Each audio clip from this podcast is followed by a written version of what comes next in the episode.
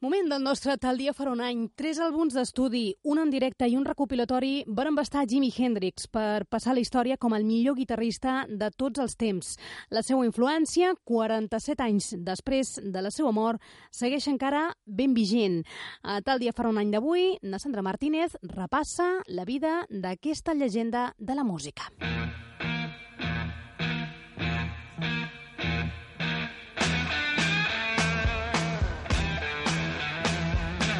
Una llegenda de la música que només va actuar dues vegades a l'estat espanyol, les dues a Palma, a l'estrena del Sgt. Peppers, una sala de festes de Gomila, quan Gomila era el centre del món. Era l'estiu del 1968 i Hendrix arribava en el seu major moment de glòria.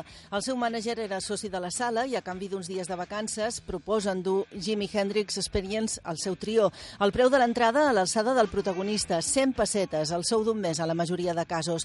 Van ser dos dies de concert, el 15 i el 16 de juliol, guitarres, dones, drogues, excessos i una guitarra, per cert, que trenca un sostre. Ho recorda bé Llorenç Santa Maria, que amb els seus Z66 li va fer de taloner i van compartir improvisacions i escenari.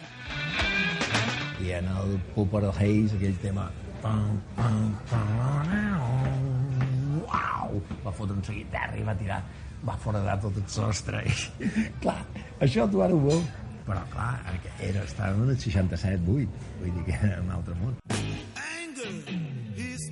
house towering in L'any 1968, Hendrix vivia un dels seus millors moments, l'equador dels 4 anys on va tocar el cel amb els dits. Acabava d'aconseguir el seu primer número 1 als Estats Units amb el seu tercer llarga durada i el món es rendia als seus peus. No estava malament per un jove fill d'una família desastrosa que va arribar a passar fam i fred. Quan l'arrestaren per segona vegada en un cotxe robat, li donaren a triar entre la presó i l'exèrcit. Triar la via militar, però quan va estar a punt de ser enviat a Vietnam no va dubtar en declarar-se homosexual per evitar-ho.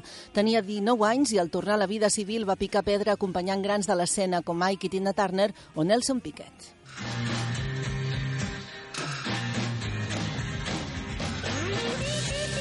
Anglaterra i sobretot l'al·lota de Keith Richards van ser la primera en descobrir el geni d'aquell guitarrista esquerrà de vestit extravagant. Ell i la guitarra formaven una unitat i la seva capacitat d'assimilació era infinita. Els Beatles es van quedar de pedra quan tres dies després que sortís al mercat els va tocar el Sgt. Peppers en directe. Adorava Bob Dylan i la seva versió sobre aquest clàssic va obligar precisament Dylan a tornar-la a enregistrar per posar-se a la seva alçada.